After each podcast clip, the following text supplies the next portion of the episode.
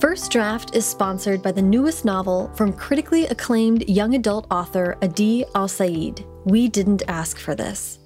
Inspired by The Breakfast Club, this timely new novel brings climate change to the forefront as a group of international students turn their annual lock in night into a platform to use their voice for environmental change.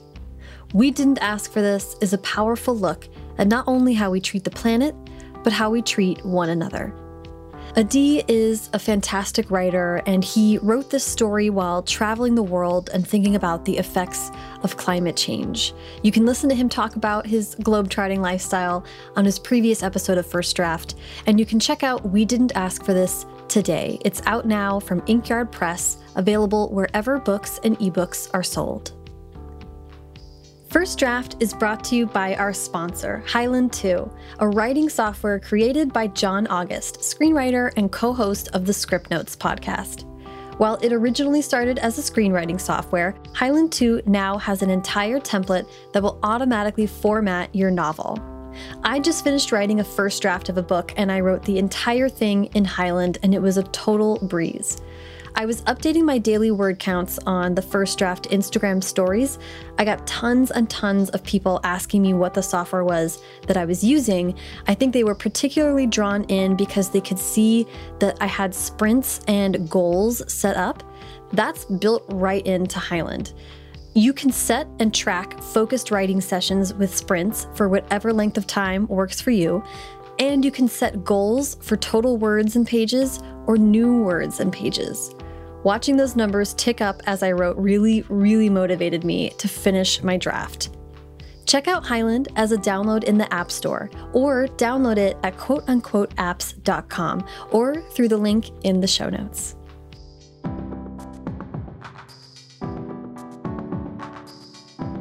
Welcome to First Draft with me, Sarah Enni. This week I'm talking to Edan Lepucki, New York Times bestselling author of California and Woman Number 17. Edan's latest project is Mothers Before, a collection of essays and photographs based on the popular Instagram Mothers Before, which Edan created. She's also the co host with fellow writer Amelia Morris of the podcast Mom Rage. A note to the listener we are joined in the interview by Edan's youngest child, Mickey, who was four months old at the time and occasionally chimes in. I am so excited to announce a new project within the world of First Draft Track Changes, a nine episode podcast miniseries that will get into everything you don't know you don't know about book publishing. The first episode airs April 16th, and you can find a trailer in the first draft feed right now. It's just a couple episodes back. In researching for the miniseries, I learned way more than I could fit into just nine episodes. So, on April 16th, I will also be launching the Track Changes newsletter, a subscription newsletter that every week will bring you further insights into how books get made. Both projects aim to provide transparency and give writers the information they need to think of their art as their career. Find more information about both at firstdraftpod.com slash track changes. Everything we talk about on today's episode can be found in the show notes. First Draft participates in affiliate programs. That means that when you shop through the links at firstdraftpod.com, it helps to support the show and at no cost to you. First Draft is an affiliate of bookshop.org, and that means that when you shop through the links, it also benefits independent bookstores. If you'd like to donate to First Draft, either on a one-time or monthly basis, simply go to paypal.me slash firstdraftpod. Okay, now, please sit back, relax, and enjoy my conversation with Edan Lepucki. Hi, Edan. How are you? I'm good. How are you? I'm good. I'm so excited to meet you. I'm so excited and impressed by this audio setup. It's, it's very professional, you guys. It's very portable and very like uh, me tramping around New York City with this in my backpack. Uh, so it's pretty fun. I am going to get into a lot of different projects that you have been supporting and are coming up. But I like to start my interviews at the very beginning. So I'd love to ask about where you were born and raised. I was born at home in Santa Monica, California, but quickly after that we moved, but still in LA, just not specifically Santa Monica. Okay. Um, so I was born and raised in LA. When I was reading about you and reading your work and looking at what you're focusing on in your work, I'm going to talk about motherhood a lot. Okay. That just seems to be That's like allowed. an interesting focus, uh, um, something that, that you seem to meditate on a lot. All that to say, leading me to this question, I was reading um, an interview you did with, uh, um, I think this was with The Millions. In this interview, you said, My parents divorced before I was five, and I went from one house to the next, and they never spoke to each other. And I really did have two different lives with them, which I thought was so fascinating and is not like necessarily a typical experience growing up. Yeah. And I'm just curious about you, you speak so much about motherhood. I'm just wondering, like, what, who were you at your mom's house mm. versus your dad's house? That's kind of an interesting question. It is not kind of, it is an interesting question. I mean, at my mom's house, she was remarried, and when I turned 10, she had another child. So I had been the youngest of three girls, and then she had a fourth daughter, hmm. and then she had a son. So the birth order stuff kind of got changed around. But Right. a lot of my memories are of her caring for much younger children. Mm-hmm. She was a stay at home mother and very domestic. My mom's like a wonderful cook and cleans, like her house is immaculate. Mm-hmm. And so at her house, you know, we had sit down dinners every night mm-hmm. and but it was also a really big house so there was a certain level of like loneliness there that i remember just because you know we would all gather for dinner and my mom was always there for me of course but she was kind of distracted by the younger children and then it felt like at night everyone would kind of shuttle off into their rooms and so i have a lot of memories of like a dark house where people went to bed really early mm. and so i have kind of images of loneliness and mm-hmm. then at that time my stepfather and i we get along great now but at the time there was like a little coldness between us. Uh-huh. And he had been in my life for like my whole life. Mm-hmm. But I feel like when I think back, there was a separation there. Mm-hmm. Maybe because I did shuffle back and forth between my mother's house and my father's house. Yeah. And the family dynamic's very interesting because my older sisters, who are my father's kids, decided not to go to my dad's house. So they all lived at my mom's house, and eventually it was I was the only one who went to my dad's house. Really? So there is kind of like this sense of me being other in A some little way. separate. Yeah. Um, wow. And then my dad's house, he was a single dad in a much smaller like rental. So there was sort of a, a class difference, mm-hmm. not a huge one, but you know, he didn't own his house and it wasn't a big house. And he uh, was a microfiche salesman and then turned into a location manager. So he became like a below the line Hollywood person. And I was an only child at that house. Yeah. And my dad and I were really close. Um, what's interesting is we're not really close anymore. I'm really close with my mom. As I, I think once I became a mother, that kind of came into focus. Um, and so at his house, I had the luxury of being an only child. Yeah. And it was just very different there. Like we would sometimes eat dinner in separate rooms.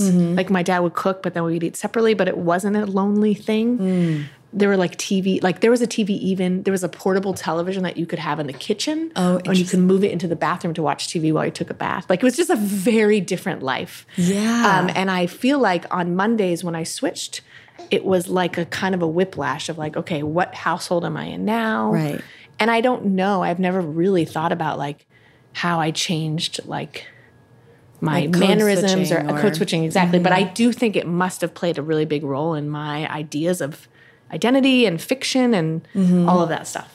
Yeah, I mean that was what I the, the irresistible part of it to me was was thinking as a writer you occupy so many different realities and habits Yeah. and you kind of have almost two childhoods to draw on Yeah, which is kind of nice. in some interesting ways. Looking a- back now, I'm grateful, I guess.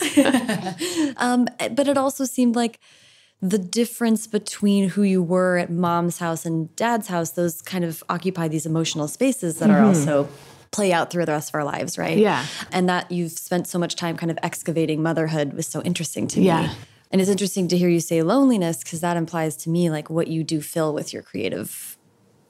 What, you know, being lonely is the start of being creative. I yeah, think. yeah. You make things, you put things into the void. Yeah. Yeah. I've noticed recently that a lot of my work is kind of about abandonment, Mm. which I find kind of comedic considering my whole family lives in LA and we're all like together and we're almost two together and nobody has abandoned me. But there must be something that was wounding about my parents' divorce. And Mm-hmm. I don't mean to make something large out of something that's small, but I don't mean to like minimize something that was painful. Right. Right. And this idea of you know, losing that first family and then trying to make it work with my dad, even though my Yeah. sisters didn't want to be a part of it. Right. Um, yeah, so I do think there is something about like being left that keeps coming back in my work Yeah. or absences. Wh- when did when did you start taking fiction seriously and start writing? Well, I always read fiction. Mm-hmm. So I always had this idea that I was writing poetry almost because I didn't really know how to write fiction. And I was just like, I don't even know. So, you know, in high school, I would just like pour out my thoughts into a poem and random line breaks and cry. And I would read Anne Sexton and cry. But I thought, okay, when I go to college, I'm going to start writing fiction because that's what I always just love to read novels. Mm-hmm. But I didn't start writing novels till after graduate school. But I was going to write story. I was going to write prose. Got it. Um, like so funny to be as once I get to college, I can do this I'll do this real thing for real. And I have, I always tell this story because I kind of struggled in like the first creative writing class I took at Oberlin where I went.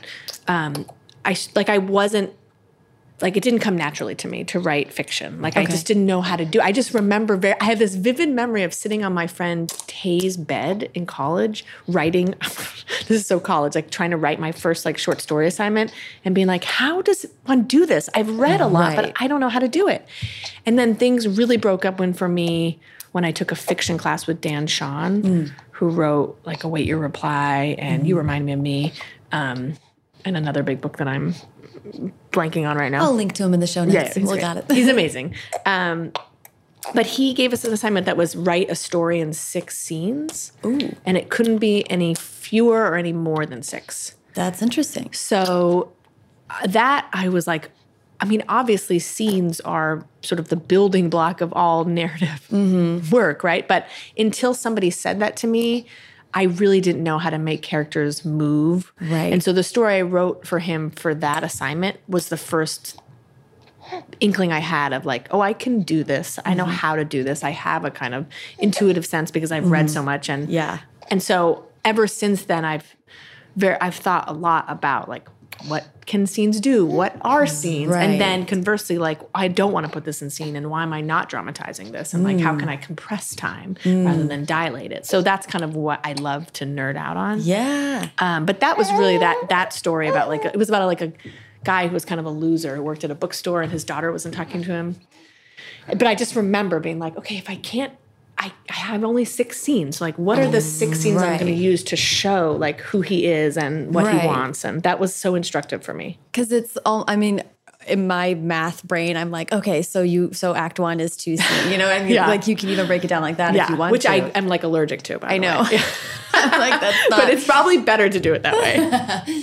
um, but that's so interesting and so cool to have like something concrete break it concrete, open like that. Yeah, and I always te- I like to, I love to teach that exercise because I do feel it makes that light bulb go off because Yeah. I for one do not understand when people say like create an obstacle for your character Mm. and then I'm like what do you mean an obstacle? I always just imagine like a big boulder in a stick figures way. But when someone is like write a scene and have something happen that didn't happen at the beginning of the scene. Mm-hmm. That for me is much more accessible and that's sort of like what I'm into. I remember one of my most successful early stories was actually this was another Dan Chaon assignment was to take a story, one of the stories that we read and mimic the structure of it. Oh, interesting. The story was by a woman named Cary Holladay. I can't remember. It was a play on the word merry-go-round, but I can't remember. But it was a story told from multiple perspectives, all about one event in like little mm. tiny paragraphs. So my story was about a man masturbating in a car and all these kids who come upon him. So it was like all the different kids and then the man himself. And it was mm. like totally different from the story, obviously, in content. But there was something about having the anchor of the structure mm-hmm. which was really useful. And I remember I read some of it out loud in the class, and I could feel as I was reading it that people liked it more than some of my other stuff. And that was such an exciting feeling to be like, oh, I kind of hit upon something and Right. accidentally, is most likely. working. But yeah, yeah. Yeah, it, it's very interesting.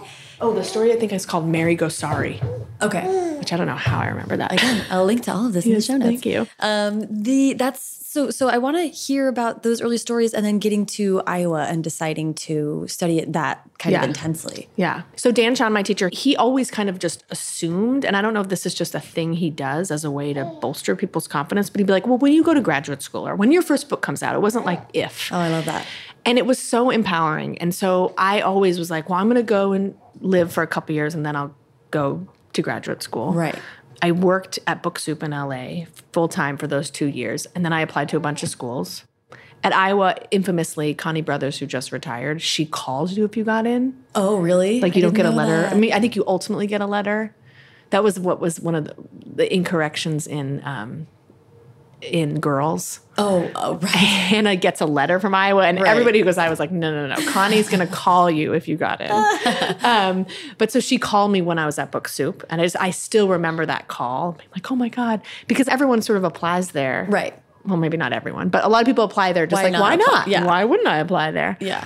And then I got in on a story that took me essentially like a year to write because I was working full time and it was kind of mm-hmm. at sea. I didn't have a teacher, I didn't have deadlines. But I knew when I wrote that story, I was like, I feel very, I feel good about this story. Like I had a mm-hmm. lot of failed starts before that story mm. in the year after college. Mm-hmm. And then so then I went to Iowa on the strength of one story, which, Which seems fantastic. crazy. it's so funny to think about how people get into programs based on 20 pages. Oh, there's it's so wild. I mean, Yeah. it's just and it's so subjective. I have students who don't get into programs, and I'm like, what are you talking about? Why would they not? I don't know how it works. everything in life is a little bit like that, right? Yeah, you just true. don't. Um, it's hard to relate that to, especially younger people. if you're like, it's all a crapshoot. Yeah, but totally. that's the other reason to just try. You never know. True.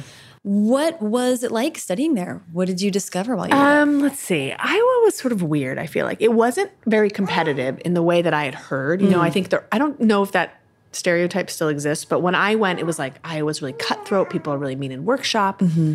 But what I had been told when I got there was that two classes ahead of me had been. Or maybe it was three had been super competitive, and so oh. the class that was younger mm. like made a concerted effort to like change the culture. Not. Ooh, that makes sense. Um, that's cool. And so when I got there, everyone was like super nice and like it just felt like not the culture that I thought I was going to be entering into. Right. Like nobody was really like like it was just not that stereotypical workshop scene that you see in movies. You know? Yeah, good. And but it was kind of a time of upheaval because Frank Conroy, who had been the director, died in the middle of my time there. Oh my gosh. So then there was sort of no director for a while, and then Sam oh. Chang came, and she's wonderful, but it, that was at the end of my time there. Hmm. And so I think she did a great job to really change the program to make it more diverse and to mm-hmm. sort of make it less like old boys club. And I feel like the work that was in the program when I was there was actually really different from what the stereotype of Iowa had been. Like there were some of those like Frank Callahan stepped out of his front door, you know, that kind of story. But then there were also like really wackadoo stories that were like kind of magical or just kind of absurdist. And I feel like George Saunders is a huge influence and that I bet like first Raymond it was Raymond Carver and then it was George Saunders. Yeah. So that was kind of coming through in the water a little bit. California is speculative and kind of future Yeah. looking. Were you was that kind the kind of thing you were writing? No, not at all. I was only writing short stories, and they were all kind of in the, I would say, like in the like Lorrie Moore vein. Okay. I would say like or like Mary Gaitskill. Yeah. they were real. I always loved realism, and but they were like with a darker edge, and I hoped kind of funny at times. Mm-hmm. Funny, sad is like what I love, but I. I wanted to write a novel, and in fact, the novel that I started after graduate school was not California. Oh, okay. It was a different book that never sold. Okay. Um, so I never thought I would ever write a book that was speculative. That was not like what I thought my future held. Right. That's so interesting. Yeah. So when I got to LA, I was like, I'm going to start a novel. I'm going to sell it because I don't really want to be a short story writer. Okay. And I'm not having, I was publishing like one story every two years Mm-hmm. and like not to like the New Yorker or anything. So I was like, this is not working out. I need to write a novel. And that's what I wanted to do anyway. And that's what you've always read. It Yes. like. so Yeah. uh, stories I felt like I knew they weren't, I knew they were totally different from novels, but I was sort of tr- treating them as like a training ground. Uh-huh. Because I think it's very hard to workshop a novel in the semester yeah, that'd be hard. format. It's just really, people see 40 pages and then they don't see, you know, it's That's impossible tough. to get good feedback, I feel like. Yeah. So I needed to make money. I became an SAT tutor. I worked at a cheese store. And then I wanted to teach, but I only had an MFA and very few publications. Right. So I was like, I'll just, it was just hubris. I was like, I'll just teach from my own apartment. So it was at the time where I put an ad on Craigslist and I made flyers. Amazing. And then I got six students. Wow. Or maybe it was eight. It's eight students so that I could have an eight week class. Right. So I was like, the first four weeks we'll do craft, and then the second four weeks, two students a week will workshop. Yeah. And that was sort of my method. And it was at your house. It was at my house, Yeah. and you know, um, I'm I was newly married and with my husband, and like we had a little dog, and people came to my one bedroom apartment in Los Feliz, and then it just somehow, like it went fine, and people wanted to sign up for the next class, and then it kind of slowly grew. It was very organic because I didn't want to start a business. Right. I wanted something to support my writing, and I love teaching. And Yeah. So kind of. It's organic and also everything kind of happened ass backwards. it's hard. To, I mean, it's not always compatible with creative people. Alas. We're not always the bus- most business. Yeah, and I also was always very protective of my writing time. So Yeah. I was like, I probably could make this a bigger thing, but I don't want to because I want to be writing. Yeah, good for you. That's it's a tough. it's what I'm struggling with right now. I would love for you to lead me to California and how Sure. this novel came about. This novel you never thought you. Yeah, well, California has kind of a long preamble because I wrote another book that's called, that was called, it's dead. It's called The Book of Deeds. Mm-hmm. And that book, so I left Iowa with an agent mm-hmm. that she read one of my, you know, she came to Iowa, read one of my stories, loved it, signed me immediately. And I felt like so like, oh my God, I'm going to be famous. I have an agent already. And it's always a good lesson to not get your head too big. Right. Someone's going to bring you back down to earth real fast. Yeah. So that I wrote a book after graduate school that took me like three years or something, and I sent it to my agent. She took like two months to even read it. Mm. Then I was going to New York for a wedding, and I was like, "I'm coming to New York. Let's meet in person. Let's talk about revision options." And mm-hmm. following that visit, I was going to UCross, which is a writing retreat in Wyoming, mm-hmm. and there I was planning to revise the book based on my agent's notes. Right. When I land in New York, check my phone. This is like new iPhone era. I get an email from my agent that's like, I've read half of this book. I can't represent it. It's too dark. It will never sell. Like, I hmm. can't get through it. Wow.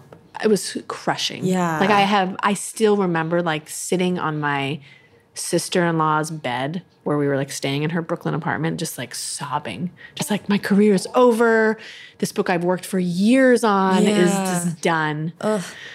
So when I went to UCross, I didn't have any revision notes, mm-hmm. but I had thought about this other novel idea, but I was like, I'm not going to write this book. It's like takes place in the future. It's about a husband and wife at the end of the world. I had this idea, post-apocalyptic domestic drama, which I thought just sounded so cool, and I wanted to read it, but I didn't want to write it.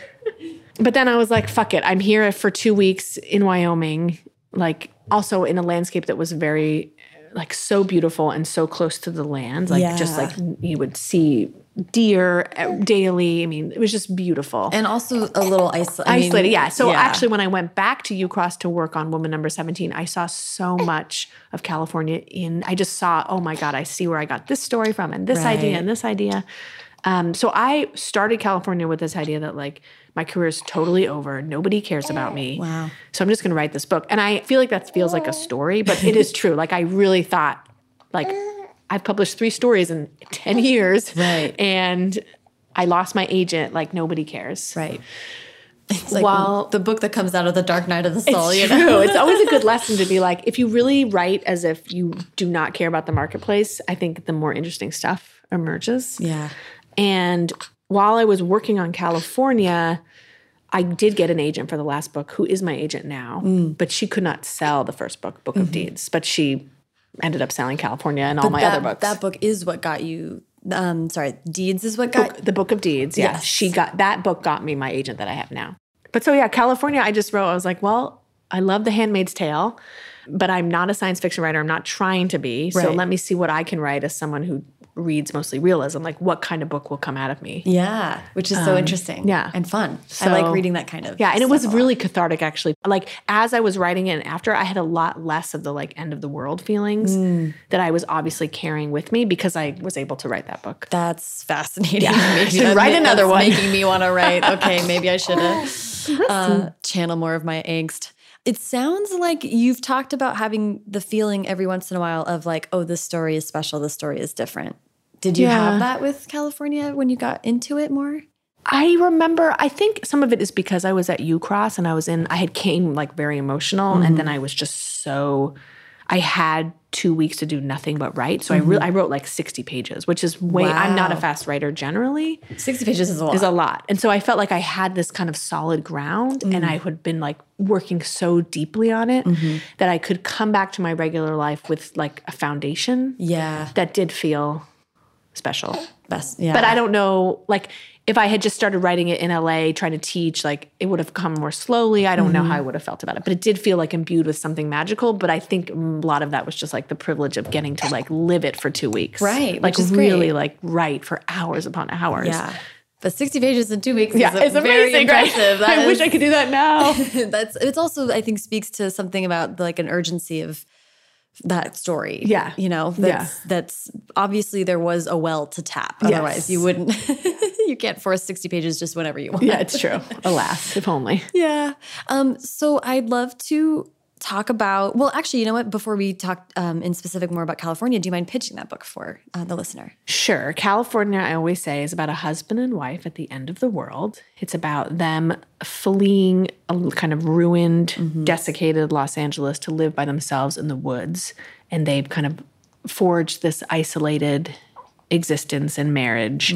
And then Frida finds out, the wife finds out she's pregnant, and they go to search for other people. So uh, most of my audience is like aspiring writers. Okay. And so part of what I think is they are best served by is talking about like conversations about writing that we don't always hear. Um, so understandings of what it's like to be on this published side. Mm-hmm. Um, so I really want to talk about the reception of California and how it impacted you because it was massive. Yeah. It was like a big, very Totally weird. It's situation. totally weird. uh, it was like life changing and so weird. Yeah. Actually, I was rewatching the Colbert clips and everything and like Do you like how I look at him? Look totally different. I have like curled hair and like smoky eye. That eye makeup took like three days to get off. That woman shellacked me. It looked great. Thank you. it was also like there's so many layers because he was interviewing you as not Stephen Colbert, but the character. Yes. You know, it's so there's so many layers Yes, to it. yes. Um, I, I'd love for you to just kind of set the stage because I don't know if uh, if ever, everyone remembers that Amazon thing that was happening Yeah. around that time too. Um, so my book was published by Little Brown, mm-hmm. and that's a imprint of Hachette. And when right before my like around, I want to say March or so, Hachette and Amazon were like embroiled in this contract dispute. And at this, I, I admit I don't even remember the particulars of the contract dispute. Yeah. But as a way to, as like a pressure tactic, Amazon removed the pre-order button from all Hachette titles. Mm-hmm. And you know, people always say, "Please pre-order." That really helps the life of a book. right. I think that's true, but I'm also like, I don't know. But so because of that, I really felt like, okay, I didn't expect my book to like like sell like hotcakes, but I was also like, I'm also being handicapped like out of the gate. Oh, it it was it. I mean, like now I'm like my rage inside. I mean, it was a very.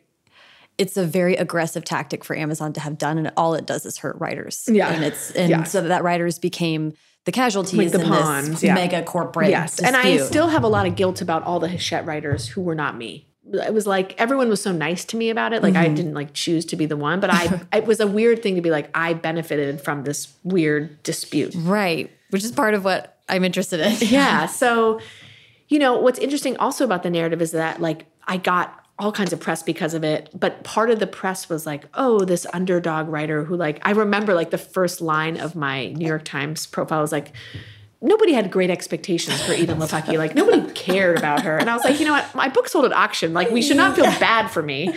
but so they wanted this narrative of me, like this tiny little writer who got like $50 for this book is gonna make it big. And I was like, whatever helps sell books, I guess. Sure. Makes a better story.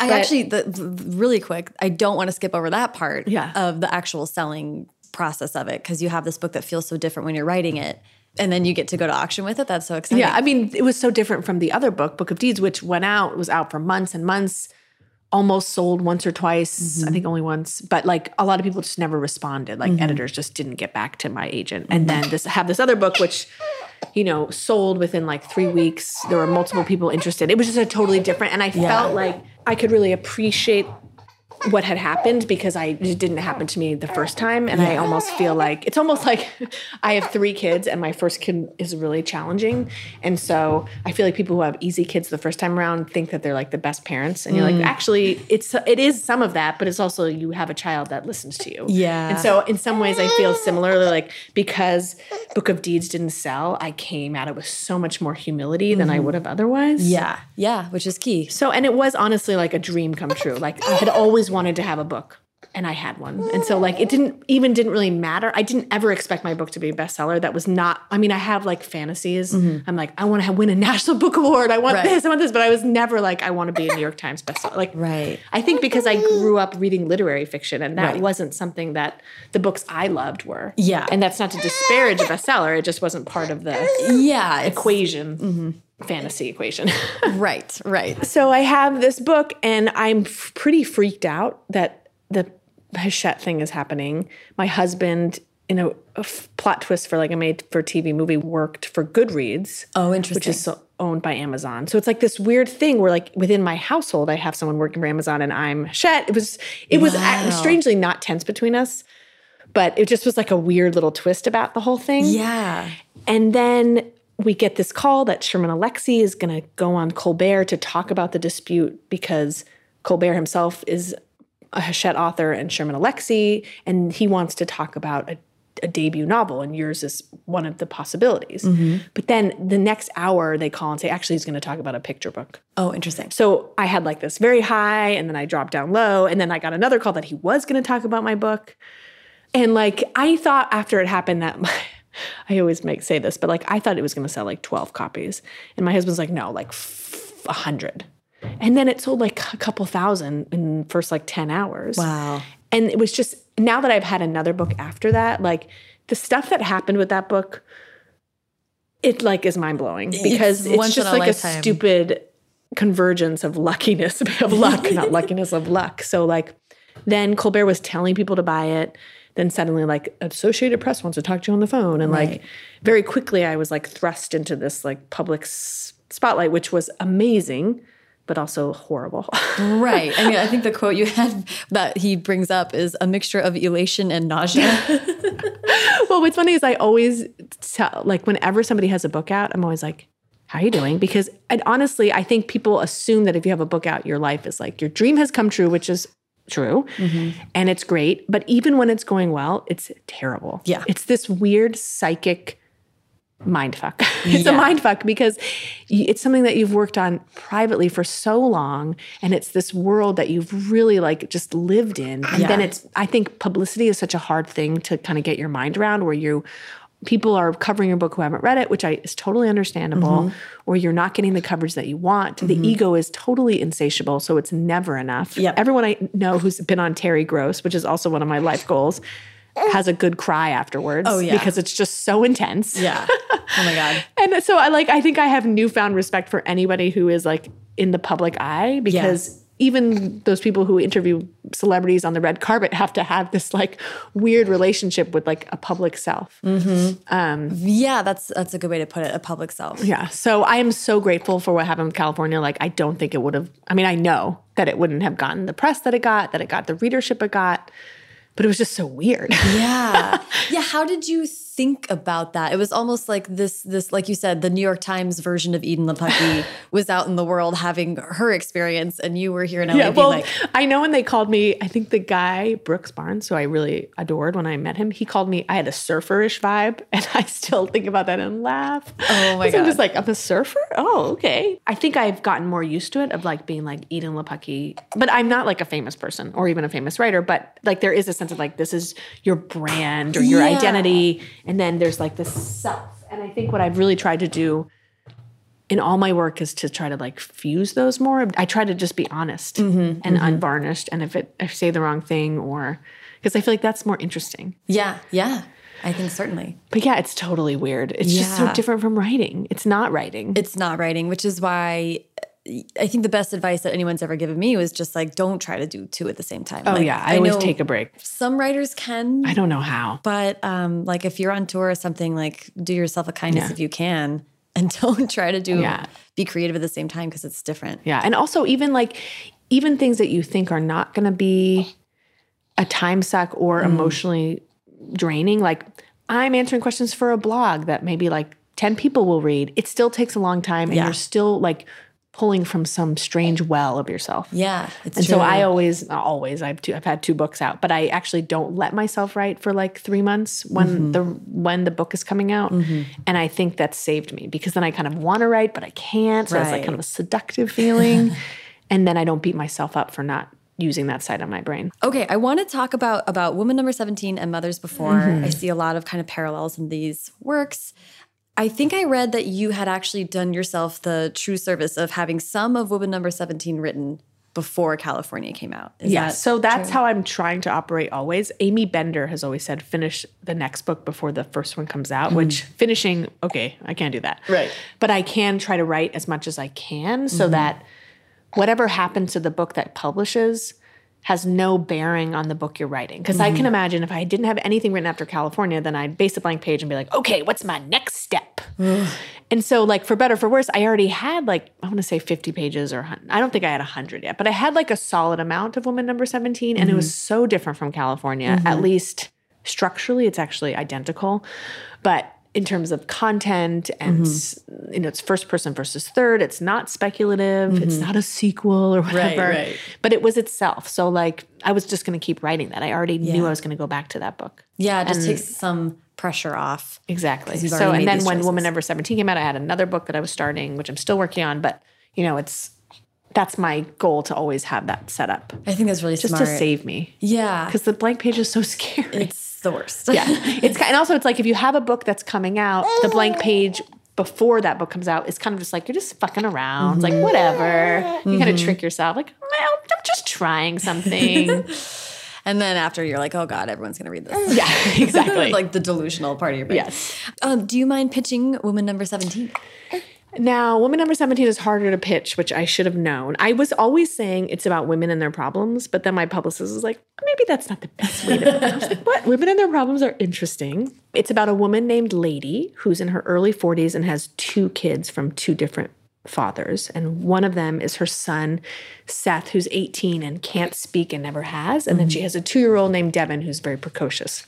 And when the book opens she's living in her hollywood hills mansion that devin's father bought her. Mm-hmm. And she's kind of she's a rich woman now. And she's recently asked devin's father to move out. And mm-hmm. she hires a babysitter so that she can finish her memoir about raising seth this mm-hmm. child with disabilities. But in fact she was not the best mother. And she's kind of fucked up about her own mother. And she's kind of just not true to herself. And in waltzes s who is the nanny and s has a secret of her own. She's not really who she seems is that okay Yeah, I love that. I was like, I know this is a problem that California was so easy to talk about in a sentence, and the next book isn't. I'm like, mm, that's going to be a problem. that well, it's a thing. And with literary fiction, you know, Yeah. it ends up being the way. A But lot what are you going to do? I had to write that book. Yeah. So I love that, you know, California is the title, but Woman Number 17 is Los Angeles. Like it's very It's very California. LA, yeah. yeah. And gets to name the place and be modern and in this world that you live in. And that was something I, when I was writing California, I missed having technology to write about. And mm. I felt like I wanted to write a book that had technology and that mm-hmm. uses technology in plot. So this book mm-hmm. has Twitter and email and text, and that becomes part of the story. And I used it.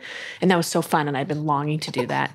And just getting to write about like contemporary, the contemporary world. Like I mm-hmm. felt kind of starved of that with California because there really was, there weren't very many things. There was like trees and there wasn't very much to r- dig my teeth into in that regard. So I was like so relieved to be in that world again. Yeah. I mean, so now from California to woman number 17, woman number 17 has like two women who are dealing with one not one being a mother and her own mother and one uh, just her relationship with her mother. And in California it's impending motherhood. Yeah.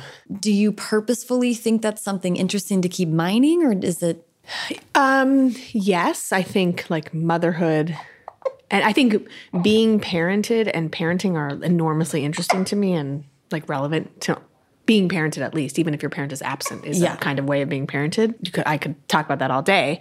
Um, I don't ahead of time kind of plan what my like what I call the deeper subject of a book is going to be. I actually don't mm-hmm. really know what it is until I've kind of been with the characters and been with them. Then I realized, oh, that's what I was writing about. Right. Um, with California, I was not a parent, mm-hmm. although I kind of was not pregnant, pregnant, and then had my son all mm-hmm. through the ri- whole writing of it. Wow. So like I wrote the final, like the final third of the book when he was very young. Okay.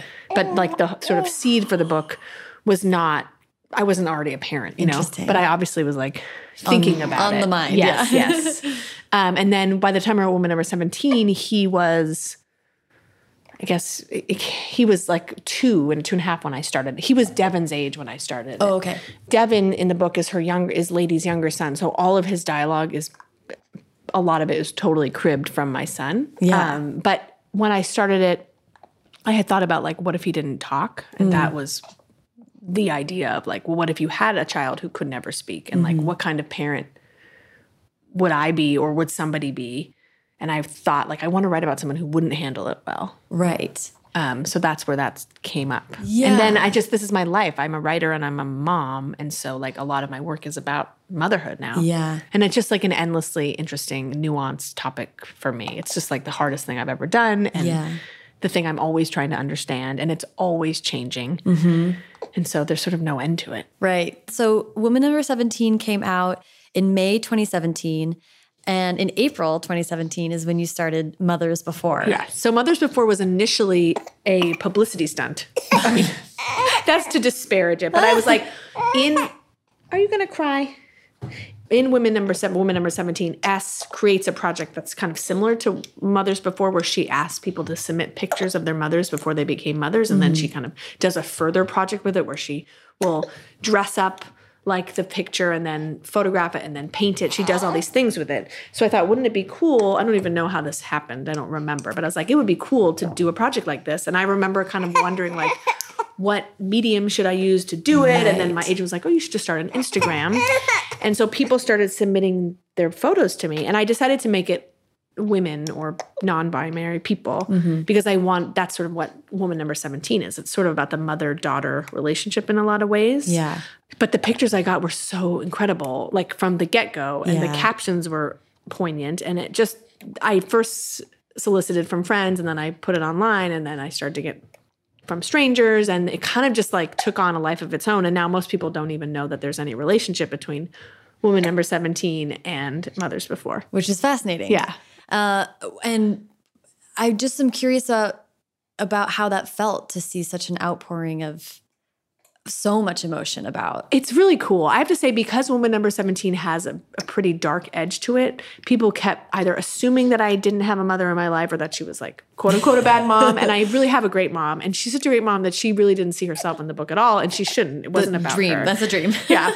Um, so it was cool to have a project that did allow for a lot of different kinds of mothers, but the thrust of it felt like it didn't feel cheesy, but it felt moving. And that was nice to have a kind of like not dark project about motherhood Right. out there in the world and to just have people stop and think about like, well, what was my mom like? And what am I like? And how has motherhood changed her or me? What do I allow my mother to be? Because I feel like that's a big thing after you become a parent. Do you have kids? I don't. don't.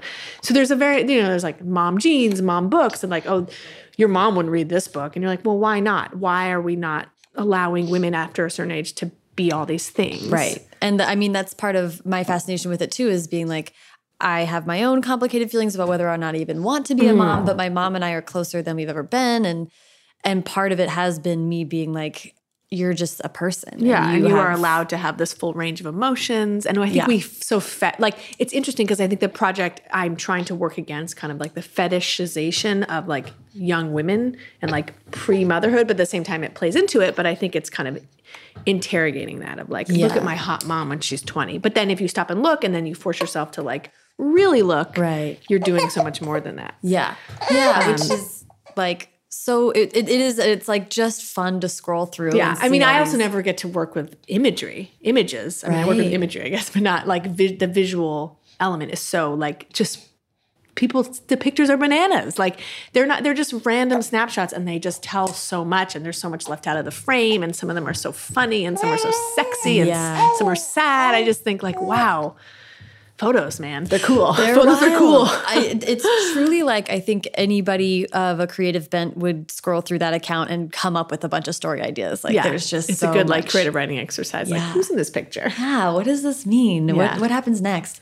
Um, so it really takes off. I, I just kind of want to lead into being able to Yeah. expand it and, and turn mean, it into this other. What a funny thing to be like a fiction writer and then be like, and I have a new book coming out based on my Instagram. my agent, Erin Hosier, mostly sells nonfiction. And so early on, she was like, this is a book. Like, Mm. especially since it's getting this kind of feed, people love it. Yeah. And somebody asked me at the New York Times to write a piece about it from around Mother's Day. And it was like a viral essay. Mm. I think, honestly, because around that time, uh, Frank Comey, I think his name, he was fired. Donald Trump fired Comey. Oh, yeah. And so there was no other information. Like all the news was just like political bleak morass. Yes. And so it was like the one thing that people hung on to. And so that once that happened, I was like, okay, like I like to write about this. People obviously like to read about it and think about it further. But without my agent, I don't think I would have even like considered it because I haven't ever written a book proposal. right. Um, but the proposal was pretty thing. simple where I introduced the project and I, my agent's husband made like a visual, like a mock book basically of like how I imagined it. And it very quickly like got preempted by Abrams and I was like, what? um, but then it was like, okay, I get to edit a book, which I never get to do. And it's not, so in a way it's like, it's my book, but it's not my book. So it feels so much more like pure. Like I'm just thoroughly excited. It's not fraught in the same way. Right. Because I get to celebrate all these contributors and their, they, I mean, I went out and got essays from like Jennifer Egan and Dana Spiotta, Brit Bennett, Annabeth Gish, the actress, Elinor Carucci, who's a photographer that I just like so admire. And so I got these amazing pictures and these essays that really like go all over, like some are really funny and sweet and some are very heavy. Mm-hmm. They so they really are a wide spectrum of like motherhood and how we feel about our moms. Yeah. So I'm just like just thoroughly excited about it. Yeah. Does your essay appear in the book or did you write something new? I wrote it? an introduction, which was actually kind of challenging because I already had written this essay. Right. So the introduction, I quote myself one time. so I was like, well, how do I say this again when I already said it? Right. But it's kind of an, a little introduction about the project and then my feelings about looking through the book as it is now. Yeah. Well, and, and I, I, this is just a fascinating thing to hear about how it comes together. So Yeah. I'm interested in you come up with the proposal, but then how did you decide who to solicit Well, essays from? initially, like in the proposal, I was like, I would like to get authors as well as like well known people like Michelle Obama. Sure. well, I couldn't get Michelle Obama. I wanted to get other like actory and musicians, but they have like walls upon walls around them, and I'm not in mm. those worlds. Mm. And so I would kind of write an email out. And it would just go out into the ether. Like to mm-hmm. their credit, like Sarah Jessica Parker and Kamala Harris, like said no, but somebody in their team like wrote me back. So I feel like I love those people. Like, thank you, thank you for responding to little of me. Looking at it from the outside, I was like, oh, this is so cool. It's a little bit like writing workshop. You got to work with people on their essays. Yeah. I mean, everyone who submitted, even people who aren't like quote unquote writers, like know how to talk about their moms. Mm. Like that, I think it's such an integral relationship, whether you have a mom who's like your best friend or like I have a person, a woman whose mom refused to be in the book. So she submitted like a selfie. Oh, And a, it's about how her mom and Did her have a want to. yeah, and it's like so powerful. And so there wasn't a lot that I did. And I wanted it to feel a little bit like an oral history, a little bit, where I wanted it I mean, the essays are either like a couple sentences or a paragraph to like a page. They're not long. Mm-hmm. But I wanted it to feel like you were flipping through it and you could hear their voices. So I mm-hmm.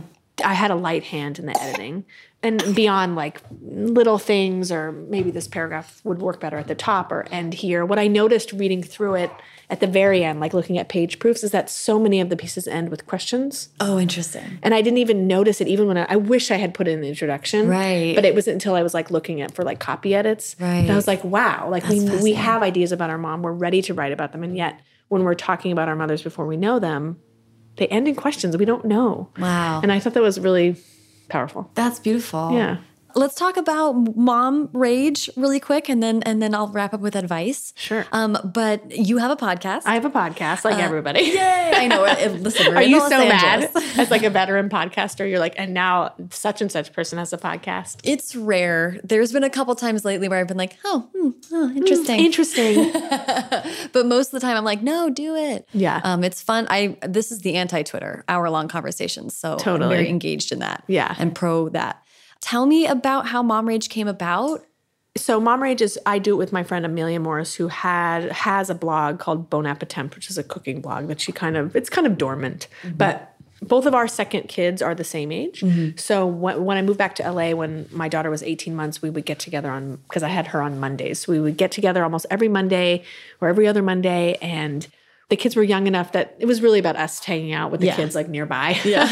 and we would just get into these like really deep conversations. I one time I remember what really led me to it is we had this really intense conversation about schools. Hmm. And I said my kid, I'm very like public school booster. And we just got into this like how complicated it is school choice can be. And I just thought we should have a podcast. Yeah, yeah. Everyone and their mom has a podcast. So the idea is that for the first half, we talk about our own lives and like either we'll talk about something in the news or something that's happened to us mm-hmm. or you know we've talked about all kinds of things from like her own relationship to her mom which is pretty tumultuous to like my pelvic floor physical therapy after my third kid was born. And then the second half we interview someone and that can be oftentimes a writer who's mm-hmm. written about something related to motherhood, mm-hmm. a quote unquote expert like a midwife or an OB or a speech therapist, or just like some of my favorite interviews. We've had a couple anonymous interviews, like one woman who's a mother of two who had an abortion. Wow. Another woman who we call Anonymom. She's like our most popular guest. She has actually her son and my son have a lot of similar issues, but you know, he was hitting kids at his school and then other parents were trying to get him kicked out Wow. of public school and kind of like that journey Yeah. I hate the word journey. So it's just been, you know, it's so different from writing. I don't know if you feel this way, but like Oh, yeah. solitary, you don't get a lot of feedback right away, but you can put a podcast out once a week and people listen and respond. And like there's like we don't have a huge audience, but the audience we do have is like so devoted and Yeah. sharing their stories with us that it fe- it's just so meaningful. It's and I had no idea this was going to happen. yeah, it's great. I love to wrap up with advice. You are one of the first adult fiction writers Oh I've had the pleasure of talking to, which is really wonderful. And you teach writing, which I think is so valuable. I'm Yeah. sure you've learned a ton in that process. But I'd love to maybe hear, you know, advice that you often give new or aspiring writers or I say a few things. I love and uh, is it the who wrote the writing? Annie Dillard. Oh, mhm. she has a quote from the Writing Life that I love. That's like, "You were made and set here to give voice to your own astonishment." Which I think is so. You're like, yes, like what astonishes you? Write about that Mm. and write about things. I hate like write what you know. I'm always like write what you are want to know. What do Right. Mm. you want to know about? Um, as far as like technical things, I am both, as I said earlier, like interested in the scene. Mm. And I always say one way to get like plot moving is to think about what questions are raised at the beginning of a scene Mm. and what are answered at the end of the scene Mm-hmm. and what new questions emerge from that scene and Right. Mm. what questions persist from scene to scene. And usually those questions are like those larger unknowable questions, but they're always kind of present tapping at the Mm. edge of a scene. Um, and I often, when I write novels, I write the first hundred pages and then I'll rewrite those hundred pages. Oh, interesting. Or I'll just stop at page 100 and read over what I've written to kind of figure out, okay, what what did I do here? What is it? Mm-hmm. Because I don't outline or anything. Um, but that's a way to kind of figure out my purpose, my intention, I guess. So I have students tell me that that was a useful thing that they have tried. to get themselves to Yeah. 100 and then be like, okay, Okay, now we what can did I do now? Um, and also just like fuck the noise and just like write, write what you want to write. yeah. I love that. Yeah. Well, this has been such a delight. Thank you Thank so you much. so much. Thank you so much to Edan. Follow her on Instagram at Edan Lepucki and follow me on both Twitter and Instagram at Sarah Enni and the show at First Draft Pod. This show was brought to you by Highland 2, the writing software that won't break the bank or your brain, available at quote unquote apps.com and in the App Store.